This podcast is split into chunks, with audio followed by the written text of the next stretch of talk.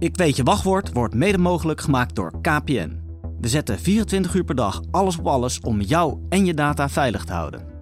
Weten hoe we het internet veiliger kunnen maken? Kijk dan op kpn.com/slash beterinternet. Voordat we beginnen, deze aflevering gaat over seks en seksueel misbruik en is niet geschikt voor onze jongere luisteraars. De stroom. Het is vandaag Valentijnsdag. Deze aflevering gaat dan ook over de liefde.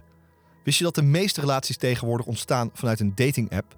Online daten is populairder dan ooit. Er wordt flink geswiped en gematcht. En ook ik heb dat soort apps echt helemaal uitgespeeld. Vorig jaar is er in ons land bijna 5 miljoen keer een dating-app gedownload. Van Tinder en Hinge tot Grindr en Bumble.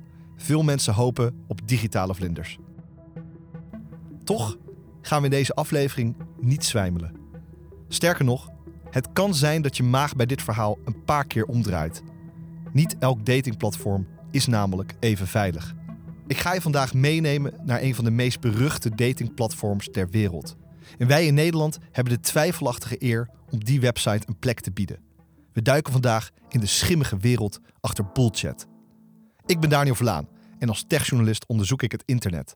In deze podcast hoor je waargebeurde verhalen die zich online en vaak recht onder je neus afspelen, maar toch onzichtbaar zijn. Je luistert naar Ik weet je wachtwoord. Dit is seizoen 3, aflevering 5. De donkerste plek van het internet. Ook criminelen hebben helaas het fenomeen van de datingsite ontdekt. Wil je aan kleine meisjes gaan zitten van 10 jaar? Heb je, heb je, luister, luister, heb je geen respect? Nou, ik merkte dat ik er niet super blij van werd. En dat ik ook moeilijker mijn grens kon aangeven elke keer bij klanten. Wat begint met een afspraak via een homo-chat-site, eindigt in het gedwongen betalen van honderden euro's. Je bent jong en je ontdekt volop je seksualiteit. Misschien zit je op een van de vele datingapps. Maar het kan ook spannend zijn om anoniem te chatten met anderen. Zeker als je als man benieuwd bent naar andere mannen en dan nog een beetje aan het verkennen bent. Bullchat is een platform waar je anoniem andere mannen kan ontmoeten. De website bestaat al bijna 20 jaar en is bedoeld als veilige plek voor mannen om met elkaar af te spreken. Ook Mark zit wel eens op Bullchat, vertelt hij in onze uitzending van het RTL Nieuws. Ik kom op straat weinig andere uh, homomannen tegen. En dan heb ik een site als Bullchat waar ik gewoon kan inloggen. Waar ik uh, gesprekken met ze kan hebben. Uh, maar waar ik ook, als ik zin heb in seks, met ze kan afspreken. Ik denk wel dat het 90, misschien wel 95 procent snelle seks is. Het grote voordeel is, is dat het anoniem is.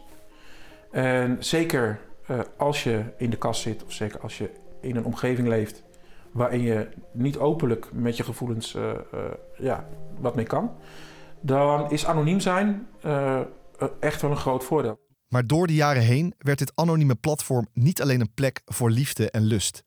Het is ook een broedplaats voor kinderporno, pedojagers, afpersers en drugshandel. Ik heb er voor deze aflevering rondgekeken. En het is eigenlijk een hele simpele site. Op de homepage staat de volgende tekst. Bullchat is een anonieme gaychat waar je kunt praten met homoseksuelen uit de hele wereld. Chatten is heel simpel. Kies een nickname en je kunt direct meedoen. Je kunt een afbeelding verzenden en een videochat starten. Het is anoniem. Je hoeft je niet eerst te registreren of aan te melden. Je vult een nickname in, eventueel een profielfoto en korte omschrijving van jezelf en waar je naar op zoek bent. En dan klik je op Enter Chatroom. Een hele simpele en een beetje ouderwetse chatroom opent zich.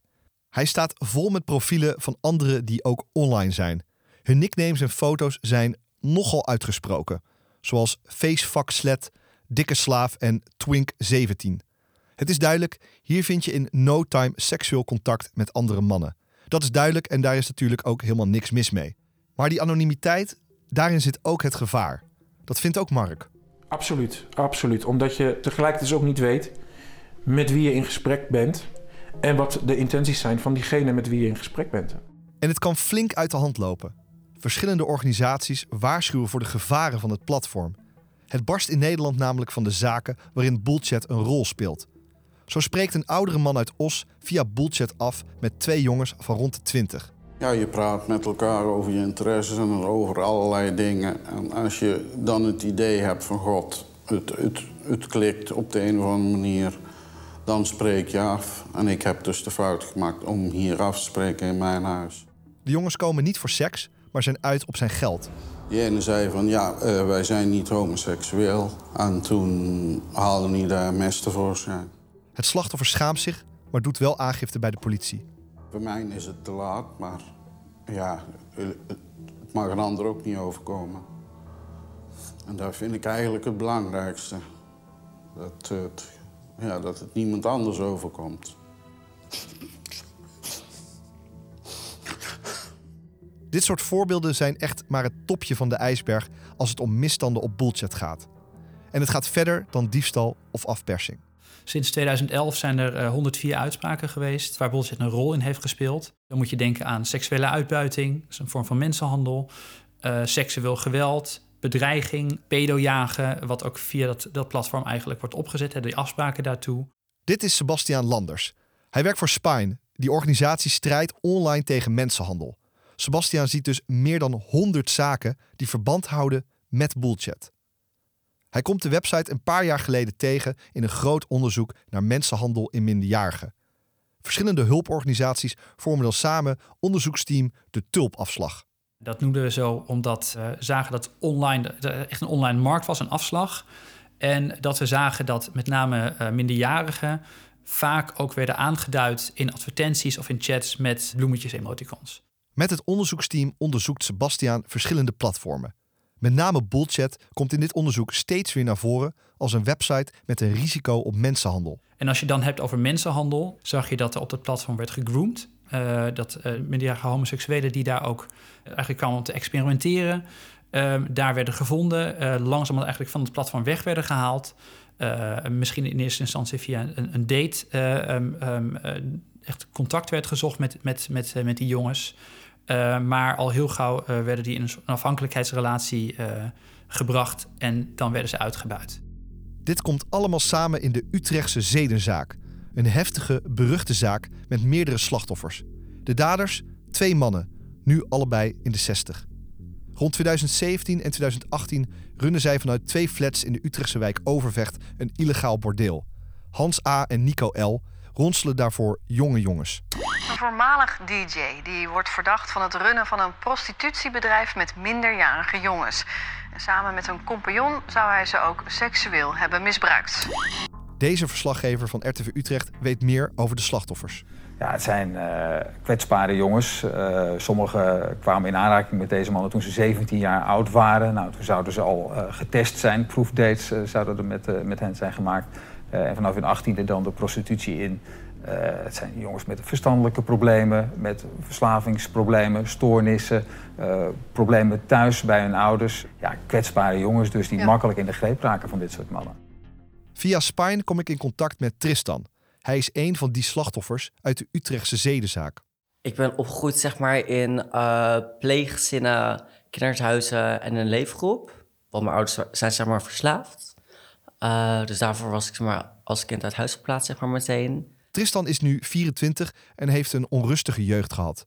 Omdat zijn ouders niet goed voor hem kunnen zorgen, wordt hij als kind in verschillende pleeggezinnen geplaatst. Op zijn zestiende mag hij begeleid wonen, onder toezicht. Dat is ook de periode waarin hij in de prostitutie terechtkomt. Om wat losse centjes en zo te verdienen. En zo begon ik eerst met prostitutiewerk te doen. Mijn eerste was dan zeg maar via uh, Grindr. Eerst zei ik ook zeg maar nee. Tot, tot ik zeg op een gegeven moment een date had gehad. En die persoon gaf me daarna uh, een paar spulletjes en zo. Zeg maar, hij gaf me en snoepgoed en ik weet niet meer, nog meer dingetjes en zo. En toen van, oh, dit was eigenlijk wel makkelijk. En ik merkte dat ik daar heel snel heel veel geld mee kon gaan verdienen. In plaats van een maand werken. Tristan zit dan op verschillende homo-dating-platforms, waaronder Bullchat. Daar biedt hij zich als 17-jarige voor het eerst aan. Dan was mijn gebruiksnaam bijvoorbeeld, zeg maar, uh, Twink 17 uh, Alkmaar. En dan deed ik dan in mijn bio... voor 100 euro wil ik bij je blijven slapen. Of voor uh, wie wil voor 100 euro afspreken. Dat. En dan mijn stats erin. En stats zijn zeg maar je leeftijd, je gewicht, je lengte en hoe groot je piemel is. Op een avond heeft Tristan ruzie met de begeleiders van zijn woonplek, omdat hij zijn kamer niet heeft opgeruimd. Uit frustratie zoekt hij op Bullchat naar een andere slaapplek. En toen uh, reageerde zeg maar Hans erop. Vanuit daar gingen we best wel snel chatten. Hans A. Een van de twee mannen die het illegale bordeel in Utrecht runt. Maar dat weet Tristan dan allemaal nog niet. Hij zei dat hij eh, op zich wel interesse had om eh, dat, dat ik zeg maar, bij hem zou slapen voor, voor 100 euro. En of, dat, of ik dat zeg maar, ook zelf zou willen. En zei ik, ja, is goed. En dat hij dit zeg maar, ook wel vaker deed. Tristan spreekt af met Hans op Utrecht Centraal. Daar pakken ze de trein naar Utrecht Overvecht. Daar vertelt Hans dat hij een vriend heeft die Nico heet. Tristan moet seks hebben met deze man, terwijl Hans toekijkt. De zogenaamde proefdate. Ik vond het wel een beetje gekkig. Ehm, maar ik dacht er niet heel veel over na op dat moment. Het was meer onwijs spannend voor mij. Hans en Nico beloven Tristan dat hij voor hen kan komen werken in de prostitutie als de proefdate bevalt. Zij regelen dan onderkomen en klanten voor hem. Tristan moet in ruil daarvoor 20% van zijn inkomsten aan de twee mannen afdragen. Na de proefdate zijn Hans en Nico tevreden. Ze zorgen dat Tristan, die dan net 18 is, zo snel mogelijk aan de slag kan in een illegale bordeel in Utrecht. Ja, dat, dat ging zeg maar best wel snel. Want de volgende ochtend gingen we dan al foto's maken voor mij. Eh, zeg maar met kleren, maar ook zonder kleren. En hij vertelde dus, zeg maar, dus ook dat die andere jongens zeg maar, ermee eh, aan het begeleiden was. En of ik echt wel 18 was. Dus, ik mo- dus, dus ik moest ook mijn idee laten zien en zo. En ik was natuurlijk net vijf dagen 18. Zo wordt Tristan als tiener onderdeel van het illegale bordeel van deze oudere mannen. Hij krijgt een werktelefoon en maakt afspraken over de prijs. Tristan wordt door hen aangeboden op verschillende websites, waaronder Bullchat. Ja, tenminste, als ik werkte, zeg maar, op de dag zelf, dan eh, gingen we bullchat openen. En als ik dan niet aan het werk was, dan was het voornamelijk contact houden met klanten via Boys for You en via WhatsApp of eh, sms. Zo worden er afspraken gemaakt met klanten. De dates vinden vervolgens plaats in de Utrechtse appartementen van Hans en Nico. Stel voor, ik had dan zeg maar, dus daar een date, dan eh, zat Hans dan zeg maar in een meterkast. En daar was dan zeg maar ook wel een matras in. Want dan zat, dan zat hij dan zeg maar dus daarop, dan op zijn laptopje. Eh, en dan ook met mijn werktelefoon om dan zeg maar alvast klanten te werven. Ehm, of we gingen dan zeg maar, eh, hij noemde het dan zeg maar op tournee. En dan gingen we met zijn autootje ehm, naar klanten toe. Hans heeft in die tijd ook de controle over Tristans telefoon om zoveel mogelijk klanten voor hem te regelen. Hans kwam er best wel snel achter dat als ik niet zo lekker in mijn vel zit of als ik geen zin in menselijk contact heb, dat ik snel geïrriteerd kon wo- worden als heel veel klanten mij gingen berichten en dan wilden dat ik dan onwijs lief deed of eh, als we dan heel veel berichten gingen sturen en zo, dat ik dan op, op alles inging. Dus dat ik dan soms wel een snauw gaf of wat dan ook, maar dat was natuurlijk niet goed voor mijn relatie met een klant. Dus eh, besloot hij dan zeg maar om mijn telefoon in beheer te hebben. In die tijd heeft Tristan geen vaste woonplek meer. Hij verblijft steeds vaker bij Hans en Nico en gebruikt ook drugs voor zijn afspraken. Hij neemt dan dagelijks drugs als 3-MMC, ketamine en GHB. Want ik merkte van, oh, als ik me dus niet lekker in mijn vel voel, dan eh, werkt het gewoon een pilletje. Dus ging dat op een gegeven moment heel vaak nemen tijdens en onder werktijd. Tristan werkt meestal één of twee dagen in de week in het illegale bordeel. Hij haalt op dat moment een groot deel van zijn eigenwaarde uit de seks die hij aanbiedt. Het gaat mentaal echt niet goed met hem. Tristan wil na bijna twee jaar stoppen met het werk, dus dat geeft hij aan bij Hans. Maar die praat op hem in om hem van gedachten te laten veranderen. Nou, ik merkte dat ik er niet super blij van werd. En dat ik ook moeilijker mijn grens kon aangeven elke keer bij klanten. Ja, of als ik zeg maar ziek was of eh, echt geen zin had of wat dan ook of. Als, als ik dan dat ging aankaarten bij Hans, dan was het best wel push-gedrag. Op een gegeven moment probeerde ik aan te kaarten om eh, te gaan stoppen. Eh, maar toen kreeg ik zeg maar terug... Ja, als, als ik ga stoppen, dan wil misschien de rest ook stoppen. En dat dan zeg maar klanten in plaats van naar jongens die dit werk zeg maar zou- zouden doen... zeg maar naar eh, mensen op straat gaan en zo. En toen dacht ik van ja, nee, dat, dat, dat wil ik ook weer niet. Eh, dan offer ik mezelf maar, maar op soort van of zo in mijn hoofd toen. Hans wekt dus de suggestie dat de klanten van Tristan mensen op straat gaan verkrachten als hij niet doorgaat met zijn werk. Zo wordt Tristan gemanipuleerd om door te gaan. Uiteindelijk wordt het illegale bordeel ontdekt via een tip. Vanaf dat moment houdt de politie de flat in de gaten, vertelt deze verslaggever van RTV Utrecht. En een van de klanten werd eh, aangesproken, een oudere man. Die zei dat hij voor een seksafspraakje kwam. Nou, eh, nog verder in de gaten gehouden, die, eh, die flat. Uiteindelijk een inval. Ja, en toen werden de gegevensdragers gevonden met honderden namen van, van jongens en van klanten. Zoals Tristan waren er dus nog vele andere jonge slachtoffers. Hans en Nico worden opgepakt en moeten zes jaar de cel in. Ook krijgen ze TBS met dwangverpleging.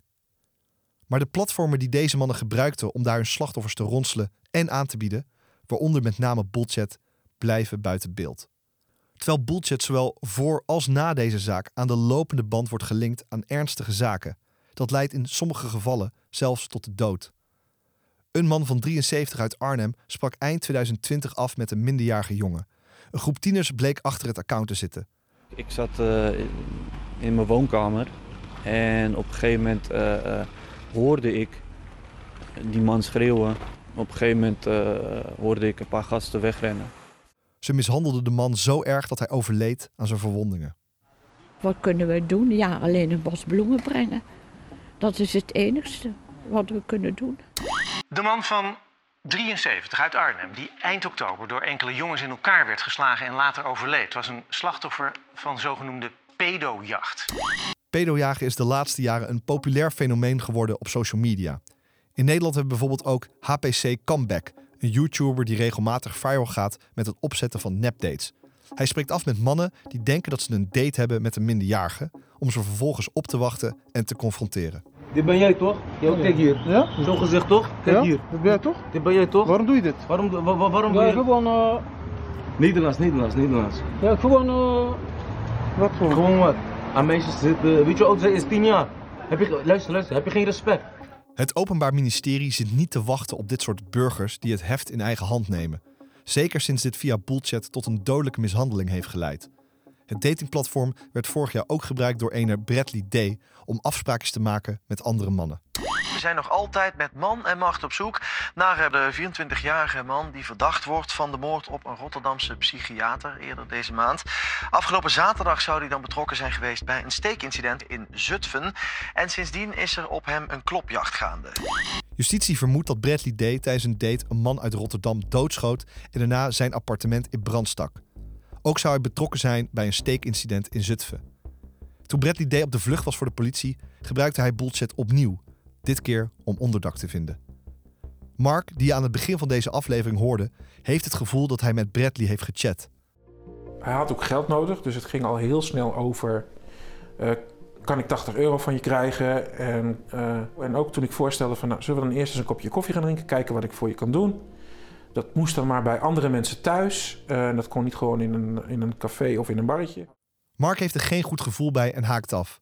Daar is hij achteraf blij om, want het had heel anders kunnen aflopen. Ja, dan had ik degene kunnen zijn die, eh, die een mes in zijn lijf had gehad. eh, misschien wel. Bradley Day werd uiteindelijk gepakt bij een hotel in Amsterdam. Bullchat haalt steeds vaker negatief het nieuws. Vanwege mishandeling, maar ook omdat gebruikers afgeperst worden. Dat gebeurt met hun naaktfoto's, ook wel sextortion genoemd. Johannes Dijkstra is teamleider bij Vier, waar slachtoffers van allerlei soorten misbruik met de organisatie kunnen chatten. Hij legt uit hoe vooral mannen via Bullchat slachtoffer worden van sextortion. En dan kan het eh, zo zijn dat iemand contact opneemt, daar eh, nou, grooming, dus iemand verleidt om eigenlijk in contact te komen. En vanuit daar ook informatie verschaft. En met die informatie die je dan weer hebt, bijvoorbeeld iemand heeft een gezin, of iemand, is, eh, iemand is minderjarig, of iemand is helemaal nog niet uit de kast, of dat ligt gevoelig in een, in een gezin. Om op die manier eh, dan dat weer te misbruiken om ja, te doen wat iemand anders wil. En dat kan soms zijn eh, om geld te geven, hè, dus om die, in die route. Maar dat kan dus ook zijn om tot seksafspraken te komen. Of om eh, vanuit seksafspraken dat te filmen en meerdere seksafspraken te hebben. Afgelopen maand nog deed de rechter een uitspraak in een zaak over een dominee. Hij is via Bullchat jarenlang voor enorme bedragen opgelicht en afgeperst. De dominee is 63 en komt uit de regio van Dordrecht. Hij zit in de kast en zoekt via Bullchat contact met andere mannen. Dat loopt verkeerd af als hij met twee jongens afspreekt. Zij dreigen zijn foto's te exposen aan zijn vrouw in de media als hij niet grof geld betaalt. En dus betaalt de dominee. Meer dan 140.000 euro. Een van de daders moet nu de cel in en het gestolen geld terugbetalen. Sebastian Landers denkt dat het niet heel ingewikkeld is om Bullchat veiliger te maken voor zijn gebruikers. Als je weet dat er het nodige plaatsvindt in gesprekken. Goed, je kunt misschien die gesprekken niet screenen. Maar als je weet dat daar het nodige gebeurt, moet je je afvragen: moet dat niet toch via een server? Moet je niet toch daar wat, wat stappen aan ondernemen? Ehm, als jij weet dat er het nodige daar gebeurt, eh, moet je niet misschien ergens meldknoppen maken of duidelijk maken waar kun je hulp zoeken als er iets gebeurd is. Dat gebeurt allemaal niet. Bullshit zegt zijn gebruikers dat het geen gegevens van hen opslaat. Dit staat er op de homepage. Wij nemen jouw privacy zeer serieus. Jouw seksuele voorkeuren zijn van jou en van jou alleen. Wij slaan jouw persoonlijke gegevens niet op. Nooit. Ons privacybeleid is eenvoudig. We verzamelen of delen uw persoonlijke gegevens niet. Jouw profiel wordt opgeslagen op jouw lokale apparaat, niet op de server. Maar de organisatie Spine heeft ook onderzoek gedaan naar hoe Bullchat technisch in elkaar zit. En uit onderzoek van Sebastiaans team blijkt dat die claim van Bullchat niet klopt. Er worden volgens hen wel degelijk gegevens opgeslagen van gebruikers. En dat zijn supergevoelige gegevens. Wat wij constateerden was dus dat eigenlijk al die algemene informatie over, jou, over jouw account... dus als je inlogde en je zei dat je in Amsterdam woonde... Uh, of nog specifieker met coördinaten uh, aangaf waar, je zat... en je gebruikersnaam en die profielfoto's... dat die allemaal wel netjes op een server tijdelijk worden opgeslagen. Eigenlijk zolang je nog online bent en dan nog nou, ongeveer een dag langer. Dus als jij offline gaat, dan blijft nog steeds al die gegevens in die database online publiek beschikbaar. Bullshit blijkt dus wel degelijk tijdelijke gegevens van gebruikers op te slaan, waaronder locaties, gebruikersnamen en profielfoto's, vaak van piemels. Sebastian en zijn team vinden dat er mede daardoor een verantwoordelijkheid bij Bullshit ligt om het platform te verbeteren en veiliger te maken als je al wetenschap hebt dat er ontzettend veel gebeurt op jouw platform. En dat wisten ze van, vanuit onze communicatie. Er zijn ook andere organisaties. Eh, Help Wanted bijvoorbeeld heeft daar ook, uh, heeft ook meerdere keren geprobeerd contact uh, op te nemen. Maar ook de politie heeft regelmatig in strafzaken vorderingen uitgestuurd voor informatie. Die zijn allemaal bij, bij Bullchat aangekomen. Er is nooit op gereageerd. Ook al zou Bullchat misschien geen data kunnen geven aan, aan de politie weet zo'n platform op dat moment wel dat er het nodige gebeurt op het platform. En als je weet dat dit allemaal gebeurt en je doet niks, ja, dat baart ons ontzettend veel zorgen. Sebastian en zijn collega's hebben hun bevindingen en suggesties al vaker opgestuurd naar Bullchat. Ze hebben op alle mogelijke manieren contact gezocht, maar hebben nooit een reactie gekregen van de website, die valt onder Bull Media. Dat bedrijf staat geregistreerd in Groningen. De eigenaar van de website weigert in te gaan op de kritiekpunten. We hebben nooit antwoord gekregen. Uh, mails. Uh, op een gegeven moment uh, heb ik een, een, een courier gevraagd om dan ook in Groningen, waar dat platform zit, ook, ook daadwerkelijk eigenlijk alle mails uitgeprint, aangetekend af te leveren. Nou, toen heeft de eigenaar ook echt moeite gedaan om, om die persoon niet te spreken. Um, en is het uiteindelijk in zijn brievenbus beland. Boel Media legt alle adviezen dus naast zich neer en de site is gewoon nog in de lucht. In een eerdere reactie aan RTL Nieuws liet het bedrijf weten dat het niet hun taak is om mensen op te voeden. Dat hoort volgens Boel Media thuis bij de opvoeders en de onderwijskundigen. Volgens de eigenaar is de anonimiteit op de website juist een veiligheidsmaatregel. De website zomaar dichtgooien is lastig. Natuurlijk, er vindt criminaliteit plaats. Maar er vinden ook heel veel positieve gesprekken en ontmoetingen plaats. Je kan ook niet WhatsApp zomaar afsluiten omdat criminelen zoals je drugsdealer er ook gebruik van maken. Hi, Rutger van KPN hier partner van deze podcast. Als je een onbekend persoon op straat tegenkomt, zou je dan zomaar vertellen waar je woont? Nee toch? Doe dit dan ook niet op een online platform zoals Bullchat, want daar weet je ook niet met wie je praat. Hoewel het leuk en spannend kan zijn om met vreemden te chatten, is het ook gevaarlijk. Je weet niet wat de intenties aan de andere kant van het scherm zijn. En zoals je hebt gehoord, kan je worden bedreigd, afgeperst of mishandeld. Bij KPN zetten we alles op alles om het internet voor iedereen een veilige plek te laten zijn. Kijk op kpn.com slash beterinternet wat we voor jou kunnen betekenen. Hulporganisaties zoals Vier staan klaar als je via een platform als Bullchat in relaties terechtkomt waarin geweld wordt gebruikt of waarin je wordt uitgebuit. Er liggen hele hoge drempels, veel schuld, schaamte, angst om over seksueel geweld, uh, laat staan bijvoorbeeld uitbuiting of nog erger, of afpersing te praten. Dat kan verschillende redenen hebben. Of misschien uh, is, jouw, uh, is je gezin helemaal niet op de hoogte. Doe je dit stiekem? Ook geven slachtoffers zichzelf vaak de schuld van wat hen is overkomen, omdat ze in eerste instantie zelf naar zo'n site gingen. Maar dat is onzin, zegt Johannes. Hij raadt aan om contact te zoeken met Chat met 4. Daar kun je anoniem met een hulpverlener praten. Doe je dat niet, dan kan de mentale impact heel heftig zijn.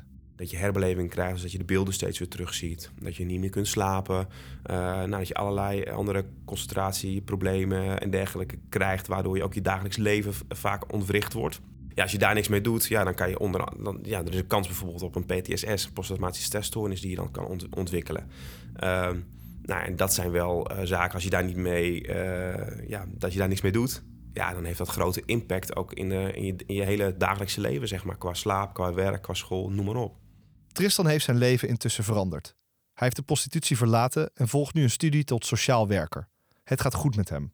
Sinds kort heb ik zeg maar een vriendje, dus dat, dat, dat gaat allemaal goed. En uh, daarnaast um, ben ik natuurlijk nu net ook verhuisd. Uh, verder natuurlijk doe ik school en stage. Dus ja, ik heb wel een vervuld leven nu. Tristan heeft de afgelopen tijd ook een veel betere relatie tot seks ontwikkeld. Het was vroeger een tijdverdrijf voor hem en ook een inkomstenbron. Hij ging erin ook vaak over zijn eigen grenzen heen, zeker in de periode waarin hij in de prostitutie zat. Inmiddels heeft seks een gezondere plek in zijn leven. Nu is zeg maar seks een bijzaak meer. Nu veranderen dus zeg maar ook mijn uh, contacten uh, van op seks gebaseerd naar op um, intimiteit gebaseerd.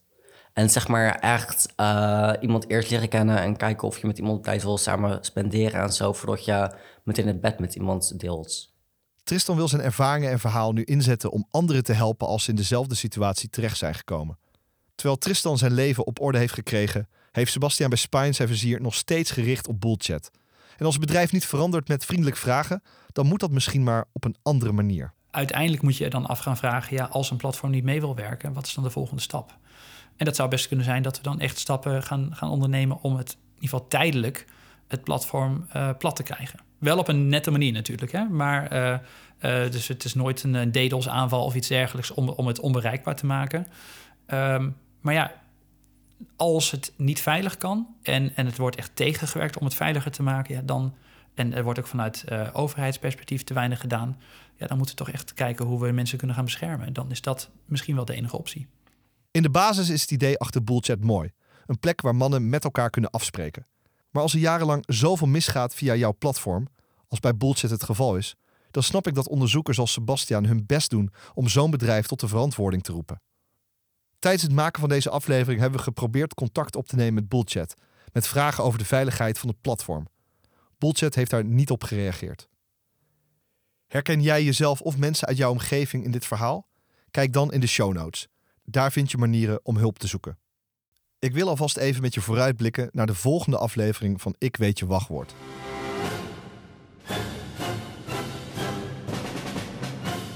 Daarin duik ik in de wereld van Noord-Koreaanse staatshackers die bedrijven over de hele wereld binnendringen, ook in Nederland. Zin in meer cybercrime? Luister dan ook naar de andere afleveringen van deze podcast. En heb je een tip of een verhaal?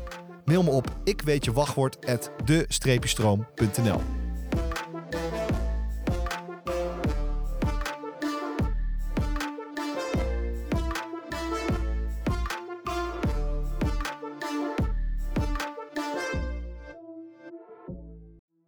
Ik weet je wachtwoord wordt mede mogelijk gemaakt door KPN. We zetten 24 uur per dag alles op alles om jou en je data veilig te houden. Weten hoe we het internet veiliger kunnen maken? Kijk dan op kpn.com/beterinternet.